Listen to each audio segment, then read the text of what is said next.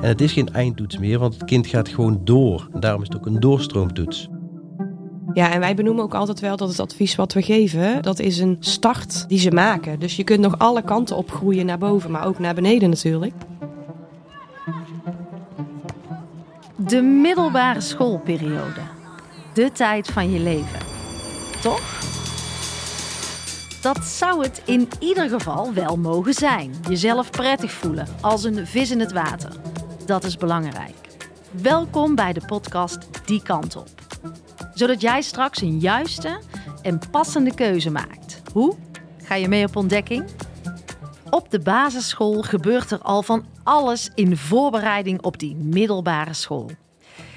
Ik ging in gesprek met leerkrachten van de basisschool. Want wat gebeurt hier allemaal? Een heleboel. Ik denk dat het al begint in groep 1 als een kind start. Het wordt pas een beetje interessant, denk ik, als een kind eenmaal in de bovenbouw komt. Dan, uh, ja, dan gaat de leerkracht vooral in gesprek ook met kinderen over een, eh, een vervolgstap. En uh, dan wordt het voor kinderen ook wat serieuzer, denk ik. Welke kansen op willen of moeten. Nou, ik denk dat het heel belangrijk is om kinderen daar gewoon in mee te nemen. Wat willen ze zelf en wat moeten ze daar nog voor doen? Zijn er nog hè, doelen die ze willen bereiken waarvoor dingen eventueel moeten veranderen? Denk aan werkhouding of uh, nou ja, allerlei dingen die daarin kunnen veranderen. En ouders daarin mee te nemen. Hoe zien wij het als school en hoe zien ouders het? En hoe kijk je dan naar een kind? Ja, je kijkt in ieder geval niet alleen maar naar wat het kind kan op rekenen- en taalgebied. Maar je kijkt ook naar, uh, is het kind gemotiveerd? Heeft hij doorzettingsvermogen? Naar een aantal kindkenmerken die heel belangrijk zijn. Absoluut belangrijk. En wat gebeurt er allemaal nog meer op een basisschool in die voorbereiding? En tuurlijk verschilt dit ook per basisschool. Wat ik bij ons op school heel erg sterk vind, is dat wij ook een, uh, een avond organiseren waarin oud-leerlingen die nu in de eerste zitten komen vertellen over hun ervaringen over de middelbare school. Ik merk heel erg dat dat heel erg aanspreekt bij kinderen die nu in groep 7 en groep 8 zitten. Doordat ze toch andere verhalen horen. Op een open dag krijg je toch natuurlijk het mooiste plaatje te zien van een school, wat heel logisch is, want je wil natuurlijk kinderen werven. Maar kinderen vertellen elkaar toch ook andere dingen die ze willen weten. Hoe duur iets in de kantine is. Of uh, hoe je de, hè, het snelste naartoe moet fietsen. Of wat er is met uitval. Zijn toch andere dingen die kinderen ook interessant vinden. Dan alleen maar de basic dingen die ze op een open dag krijgen te horen. Bij ons toevallig net de informatieavond geweest. Dat was voor de ouders van groep 7 en 8. En die krijgen dan vooral te horen wat er de komende maanden allemaal op het programma staat. Dus als het gaat om uh, een voorlopig advies in groep 7, een toetsperiode die belangrijk is, vervolgens de voorlichtingsavonden, de open dagen, een voorlopig advies, een, een doorstroomtoets die eraan gaat komen. De, de hele mikmak zeg maar, wordt dan uitgelegd aan ouders. En er wordt ook gewezen op hoe zij zelf actie kunnen ondernemen door bijvoorbeeld de website van POVO 013 te bekijken. En ouders daar een beetje wegwijs in te maken van wat er allemaal te zien is. En uh, dat is wel heel fijn. Ja, en die open dagen en informatieavonden zijn meestal zo december, januari. Enkeling al eind november, maar meestal rond die periode. En dan krijg je natuurlijk nog het verloop van... Hè, ze zitten dan pas in groep 7, dus er kan natuurlijk nog best wel wat dingen veranderen. Um, en je blijft de kinderen gewoon volgen. En ik vind het heel belangrijk om daar heel transparant over te zijn, ook naar ouders en naar kinderen toe. Van nou ja, dit is je voorlopig advies. Maar hoe zie jij dit? En hoe zien ouders dit? En heb je een doel? Wil je ergens anders naartoe? Of hè, zit je al op je plekje wat, nu het voorlopig advies is? Maar wat moet je doen om dit vast te houden? Dus dat je daar ook transparant in bent van wat verwachten wij dus? Hè, als dit het passende advies zou zijn, wat, wat, wat moet je dan doen als leerling? Dus ik krijg een, bij ons tenminste, ik, denk dat dat, ik hoop dat het op de meeste scholen zo is, een, een voorlopig advies in groep 7 al. Hè. Dat is een dubbel advies, tenminste wij geven een dubbel advies, omdat je ook nog niet helemaal weet welke richting het op gaat.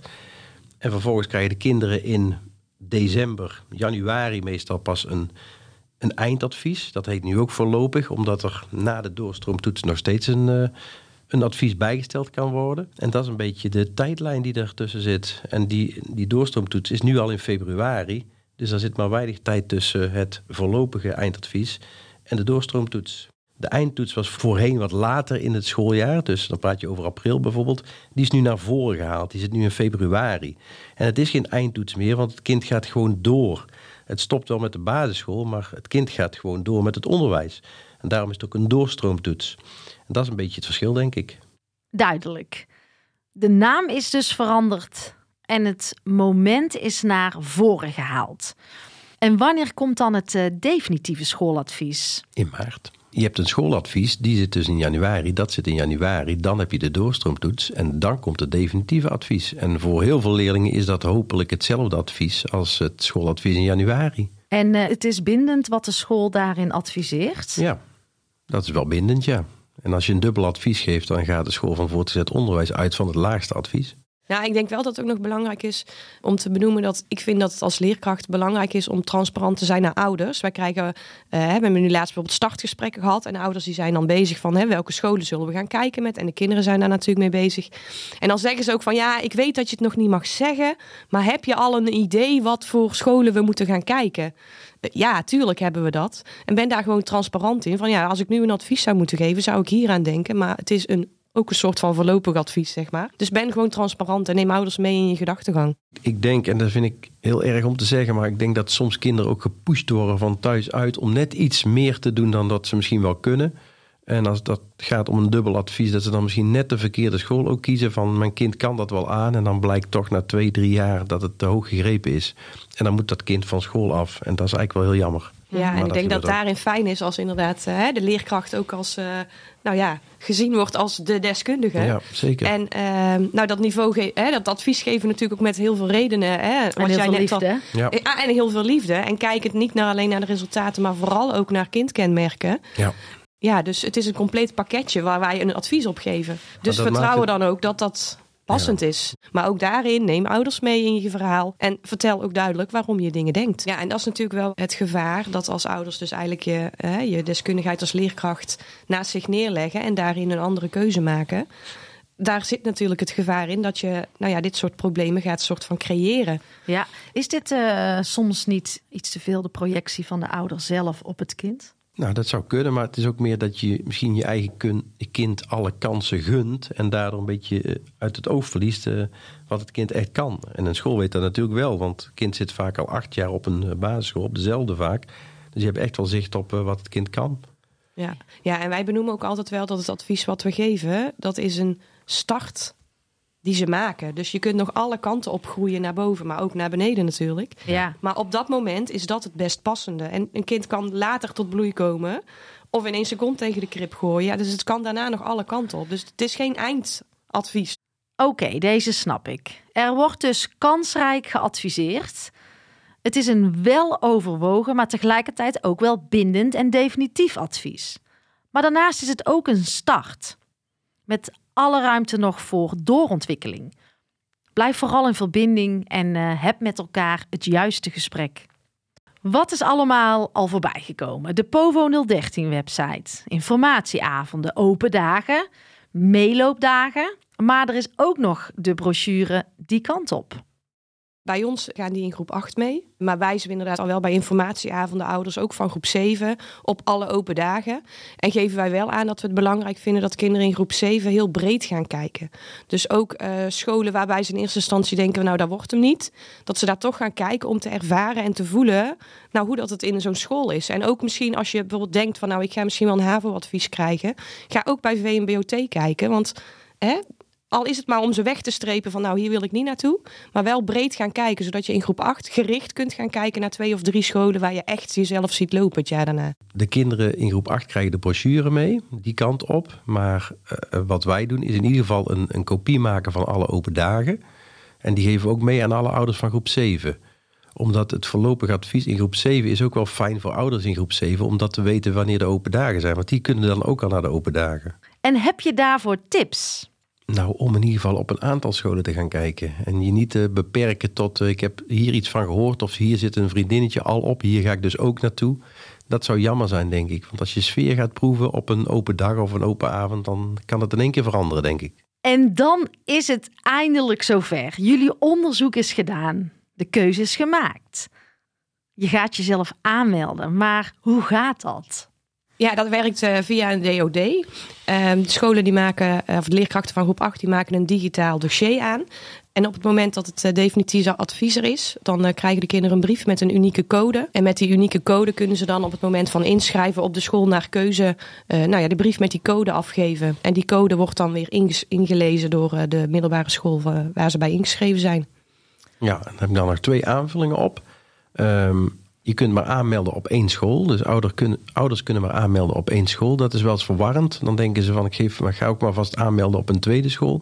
Dan uh, komt mijn kind altijd ergens terecht. Maar je hoeft maar aan te melden op één school. En wordt een kind daar niet aangenomen, dan gaan de gegevens door naar de tweede keus, want die wordt wel gevraagd. En sinds dit jaar is de aanmeldprocedure een beetje anders. Want nu, voorheen was het op achternaam.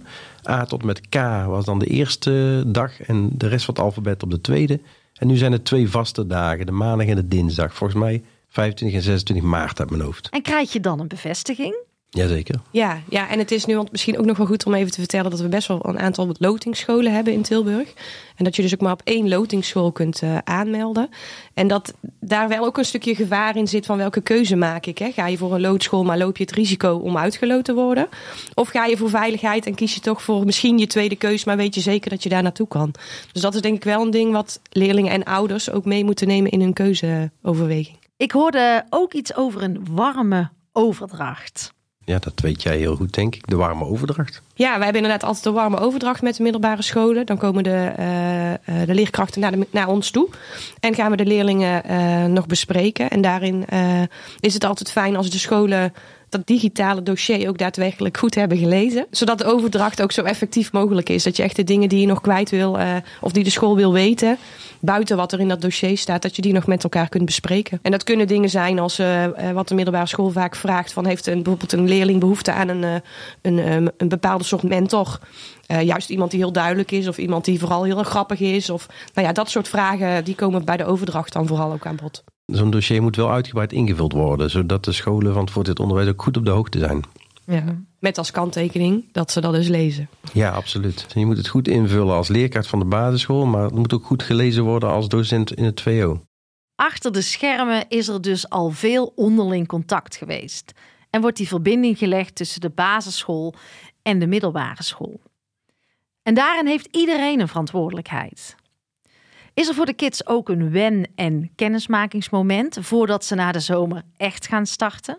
Ja, ze hebben altijd een, uh, wij, noemen dat het overvliegen. Dan gaat de hele school overvliegen, maar ook groep 8 gaat dan naar, uh, de, naar hun uh, middelbare school. En dan gaan ze gewoon wennen. Hebben ze een, een, een ochtend of een middag is het meestal, waarin ze nou ja, met hun nieuwe klas kennis maken, met hun mentor en wat activiteiten doen. Bij ons noemen ze het de kennismakingsmiddags, maar het is natuurlijk precies hetzelfde. Meeloopmiddag, kennismakingsmiddag. Uh, gaan kinderen om 12 uur naar huis of al rechtstreeks naar, uh, naar de school waar ze dan het jaar erop uh, gaan starten. En ja, we zien ze dan de dag erna pas weer terug. En dan vertellen ze in de klas natuurlijk wel hoe ze het hebben gehad. En, en de meesten, denk ik, vinden het hartstikke leuk, zo'n zo'n kennismakingsmiddag. Ja, leuk en spannend, denk En ik. Want het is zeker. toch wel weer een stapje, hè? toch weer iets nieuws. Ja. En zeker als je, uh, nou ja, misschien niet met vrienden of vriendinnen naar naartoe kan gaan, is Ja. het wel fijn dat ze daar al een, een soort wenmoment hebben. Dat ze dat niet pas na de zomervakantie helemaal out of the blue in een klas komen en niemand kennen. En hebben we nu alles gehad? Wat er ook nog is, is, en dat is misschien een hele belangrijke, dat ehm, je hebt een informatieavond voor ouders, waarin je alles vertelt over de stap. Er zijn altijd ouders die niet komen, of voor wie die informatieavond gewoon lastig is, of niet goed uitkomt, of wat voor reden dan ook. En dan is het goed om te kijken in je wijk of er nog andere momenten zijn waarop je ouders die in de avond niet kunnen, of die om wat voor reden niet kunnen, toch uitgenodigd worden om die informatie wel te krijgen. En wij doen dat bij ons in Tilburg-West eh, met een ouderkamer. Waarin ouders eh, in de ochtend naar de ouderkamer kunnen komen. En op een bepaalde dag uitleg krijgen over al die stapjes die we net hebben genoemd. Mooie initiatieven. Wat willen jullie als laatste nog meegeven? Ik zou het heel fijn vinden als leerkrachten van groep 7, 8 lekker met kinderen daarover praten gewoon in de klas. Van wat er allemaal mogelijk is. En niet te veel af laten hangen van eh, de thuissituatie of wat daar dan gezegd wordt. Ik denk dat je een taak hebt als leerkracht om, eh, om kinderen daarin mee te nemen. Ja, mooi. Ja, en je eigen ervaring daar ook in te delen. Ja, Hè, als absoluut. een leerling bij mij zegt, ik wil zeker naar die school, want eh, daar werkte mijn oom of zoiets was het. Ja, ik wilde ook altijd naar een school en ik kwam daar binnen en ik dacht, no way dat ik hier naartoe ga. Ja. Maar als je er niet naartoe gaat en je weet zeker, ik wil daar naartoe. En je maakt die keuze en achteraf denk je van, nou had ik die keuze maar niet gemaakt, was ik maar gaan kijken. Ja, dan ben je te laat. Ja, Zeker. En het komt wel eens voor hè, dat, dat een kind eh, niet naar een open dag gaat, omdat de thuissituatie gewoon dat niet stimuleert. En dat het kind gewoon niet weet waar hij naartoe moet. En dat is wel fijn dat je als leerkracht weet dat je zo'n kind in de klas hebt. En dan kun je kijken wat je wel kunt doen. Er zijn zelfs echt wel eh, situaties geweest dat de leerkracht gewoon met een kind gaat kijken. Dat is natuurlijk uitzonderingen, maar hoe gaaf is dat dat dat gewoon kan? Op de basisschool gebeurt er dus al heel wat in voorbereiding op die middelbare school. Stel je vragen en ga samen met je kind op verkenning. Blijf ook elkaars expertise zien, want iedereen wil het beste voor jouw kind. Kijk ook eens om je heen. Wie kan jouw hulp gebruiken? Nieuwsgierig naar meer? Luister ook de andere afleveringen op dit podcastkanaal. Deze podcast is powered bij podcastuitgeverij Anki. Muziek en montage verzorgd door Cheert Mouthaan van Audio Maestro.